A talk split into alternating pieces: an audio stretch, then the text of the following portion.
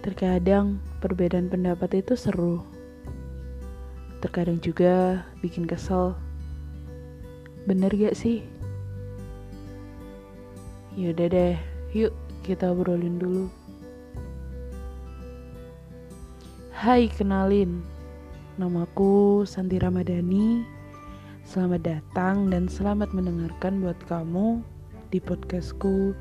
Yuk kita obrolin bareng.